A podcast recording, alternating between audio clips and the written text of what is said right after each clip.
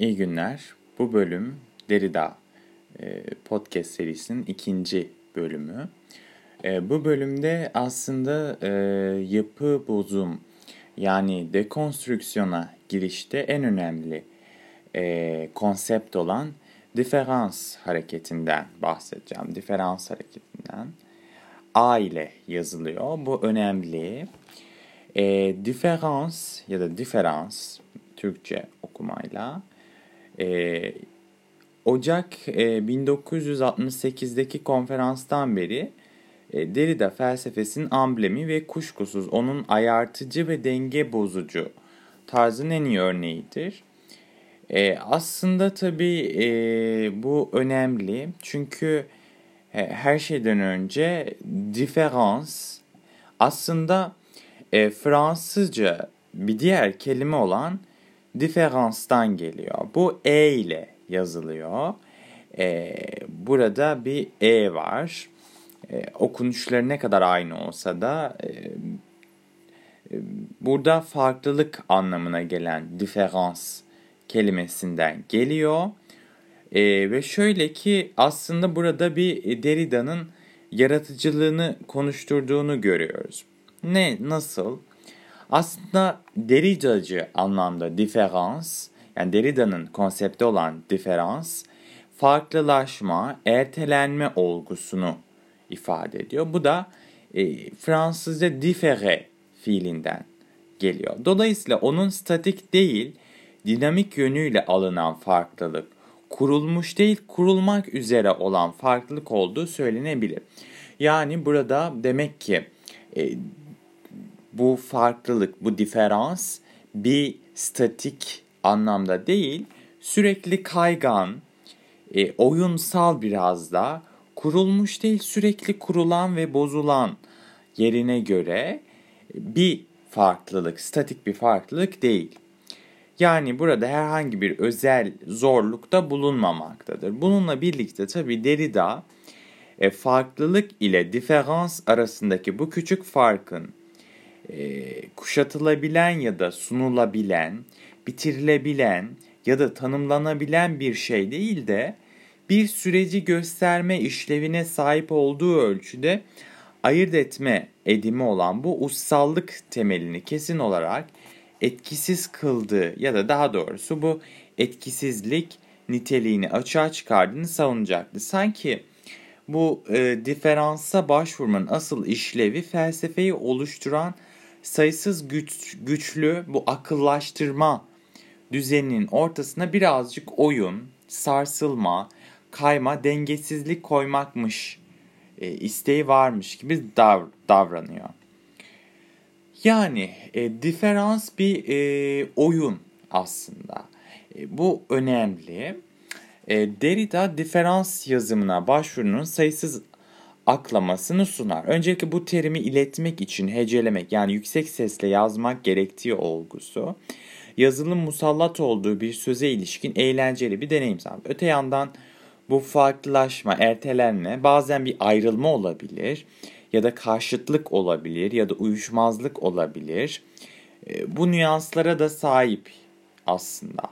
Düşüncelerimizin başkalarınkinden ayrıldığını söylediğimiz zaman olduğu gibi aynı olma kadar geciktirme, zamana bırakmadır da. Satın almayı ya da karar vermeyi ertelediğimizi söylediğimiz zaman olduğu gibi mesela. Diferans böylece tıpkı sözle yazı arasında e, etkinlik ile edilginlik arasında durduğu gibi ve uzam farklılıkları arasında orta yolu tutarak nihayetinde ayırt edilmez bir kavramın özelliklerini gösterir. Şimdi bu bu şekilde anlattığımızda gerçekten biraz e, zor bir a, algılama e, oluşturabilir. Ama tabii e, bunu biraz daha e, dekonstrüksiyona bağlayarak anlatırsak e, daha iyi anlayabiliriz. Bunu önce verdim çünkü daha o bütünlüğü sağlayacaktı. Şimdi dekonstrüksiyon dediğimiz zaman e, dekonstrüksiyon aslında e, Derrida'nın ürettiği bir kavram demiştik önceden de. Ama bu temelini Heidegger'in destrüksiyon e, kelimesinden, konseptinden alıyor.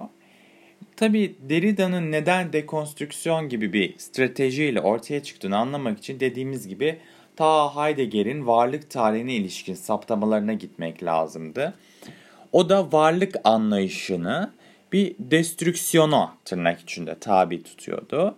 Ve bunun bir e, yap, e, bozuma uğratıyordu. Bu e, farklı tarihlerde varlık nasıl algılandığına e, bakıyordu. 1930'larda metafiziğin kapanışına vurgu yaptı.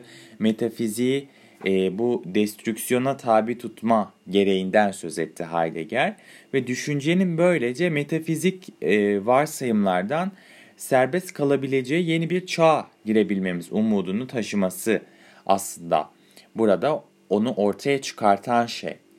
İşte Derrida da bu Heidegger'in bu üslubunu alarak yani bu varlık tarihinde varlığın yerini, Zayn'ın büyük harfle yazılan yerini bulma çabasını bunu alıp metot e, bunu bir metotlaştırdı ve kendi e, tabii ki üslubunu kattı ve buna destrüksiyon demedi, dekonstrüksiyon dedi. Çünkü bu bir bozmak anlamına geliyor ama bozduğun şeyi aynı anda simültane olarak e, yapma anlamını da taşıyordu. Ama nedir tabii bu dekonstrüksiyona tabi tutulması gelen metafizik? Metafizik bir fikir eşyaları müzesi, bir kültür donanımı olarak felsefe tarihi değil tabii. Bu tarih eğer bugün düşünme biçimlerimize egemen olmasaydı e, onun niye bu kadar ciddi alınması gerektiğini de anlamak zor olurdu.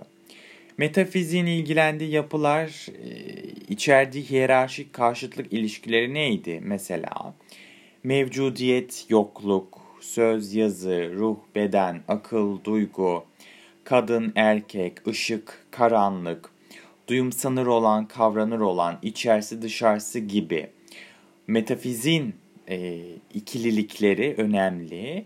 Bunlara farklı vurgular yaptı. Sorgulanabilir varsayımlar bugün de düşünme biçimimizi, verdiğimiz kararları, yaşam tarzımızı belirler. Bunlar hem hakikatle yüzleşmeyi zorlaştırmakta hem de bazı değerleri destekleyerek yeni değerlendirmeler yapma imkanını ortadan kaldırıyor. Yani demek ki hep bu ikililiklere, dikotomilere sahibiz. Yani iyi, kötü, doğru, yanlış, akıl, duygu, ruh, beden ve bunu yaparken bu ikililiklerden bir tanesine hep bir e, öncelik veriyoruz. Yani o kefenin bir kısmı hep daha e, ağır basıyor. Ve biz bu e, çerçeveden dünyaya bakıyoruz. Nedir mesela? Siyasette erkek egemen e, bir yapının olması, daha maskülen şeyleri izlemek. Kadın figürleri mesela işte ana vatan gibi ya da e, nedir? Erk güç gibi. Yani güce bile bir maskülenite. E, mesela ana vatana tecavüz deriz. Yine burada korunması, muhafazası gereken şeyin kadın figürü olması mesela. Yani bunun gibi bir e, dikotomik bir bakış açımız var. Bunlar e, dediğimiz gibi hakikatle yüzleşmemizi zorluyor. Peki ne yapacağız böyle bir noktada? Bunları dekonstrüksiyona tabi tutacağız. Metafiziğin gizli varsayımlarını açık hale getirmeye çalışacağız ve sorgulayacağız. Bunu yaparken bu varsayımları denetlemeye ve durdurmaya çalıştığı anlam üreten hareketin ta kendisine işaret eder. Söz konusu hareket bir dinamiktir. Ereksel olmadığı gibi diyalektikte değil. Derrida bu hareketi farkların bir oyunu olarak düşünür ve ona diferans adını e, verir. Yani bu diferans nedir? Mesela bir teksti aldık diyelim ve bu teksti e, dekonstrüksiyona tabi tutacağım. Ne yapıyorum? O tekst içerisinde alıyorum mesela diyelim ki bir milli mit söylemi içerisinde e, bir düşman dost figürünü arıyorum. İki tane dikotomi yazdım. Tabii düşman ve dost kısmı e, ya da işte biz dışarısı, biz diğer e, ya da işte güçlü güçsüz savunulan, savunulması gereken gibi bunları yazıyorum diyelim mesela. Tabii bunlar değişebilir. Tek bir dekonstrüksiyon yok. Ve bunları yazdığım anda ben ne yapıyorum? Bu yazıdaki oyunu belli bir saniyede durdurmuş oluyorum. Ve orada bir bir şey beliriyor. Yani yazının aslında e, bu tabii bu çapraz okumalarla da destekliyorum. Tam o diferansı yani farkların oyununu gördüğüm ana bu oyuna ben diferans diyorum. Yalnızca tabii konuşmanın değil dünyanın anlamlılığını kuran da bu oyun. Hep bu var. O hem özneye hem de nesneye öncel. Hem nesnenin kuruluşu hem de öznellik bu temelsiz temele işaret eder. O halde burada oyun yarı transandantal bir kavramdır. Mevcudiyeti ve yokluğu, özneyi ve nesneyi önceler. Derrida metnin dışı yoktur önermesini bu yüzden kurar. Bu cümle popüler kültürde postmodernizm terimiyle anılan şeyi e, tarif etmekte kullanılmıştır. Hem bu tartışmalı ne kadar postmodernizmdir bu? Bu tartışmalı. Başka bir videoda e, podcast'te değiniriz. Ama bazı avantgard sanatsal yaklaşımların da temeli oldu bu. Yani bu hep aslında Derrida'yı da nihilist olmakla, göreceli, relativist olmakla eleştirdi muhafazakar yaklaşımlar bu diferans hareketinden dolayı. Çünkü metnin dışı yoktur gibi asıl olan oyundan ibarettir gibi genellemeler bu tür e, ne diyelim eleştirilere e, maruz bıraktı. Derrida'ya göre metafizik varlığı mevcudiyet, e, prezans olarak anlar. Metafizik argümantasyonlar ve kurgular nihayetinde bir mevcudiyet tecrübesine veya iddiasına e, dayanır.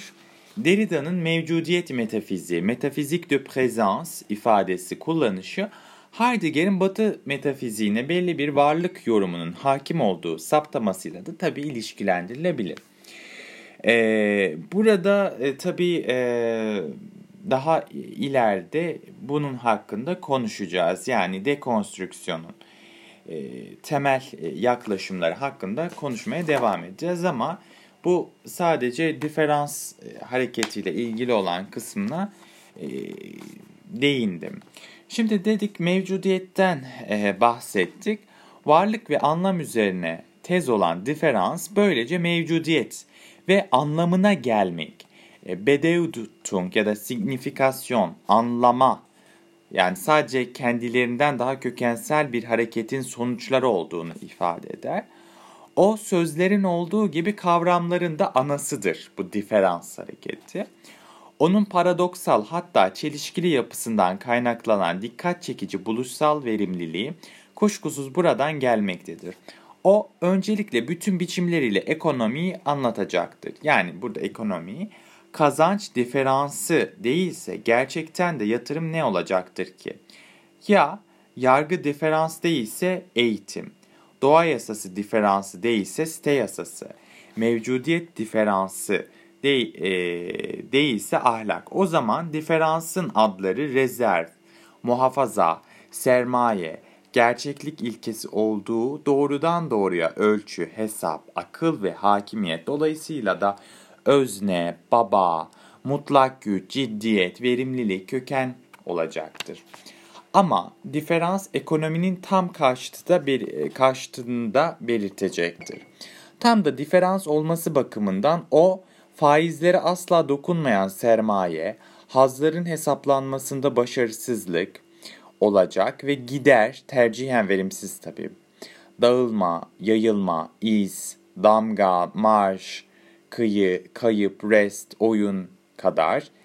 E, tabii biraz daha e, ileride ön söz, başlık, alt taraftaki yazı, tür, telif hakkı, çerçeve, imza adlarını kısacası farklılaşmış, ertelenmiş de olsa tekrar kavranamayacak olan her şeyin adını taşıyacak. Zira diferans bitimsiz olacak. Daima bitimsiz olmuş olacak.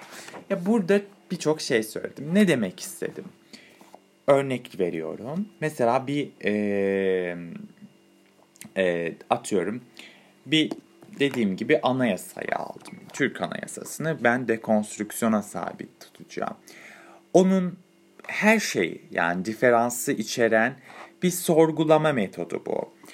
Aldığım zaman yazım tarihi, e, orada imzası bulunan diyelim siyasi partiler, e, bu tekstin dayandığı daha önceki tekstler mesela nedir? E, atıyorum kanuni esas ya bunu örnek veriyorum.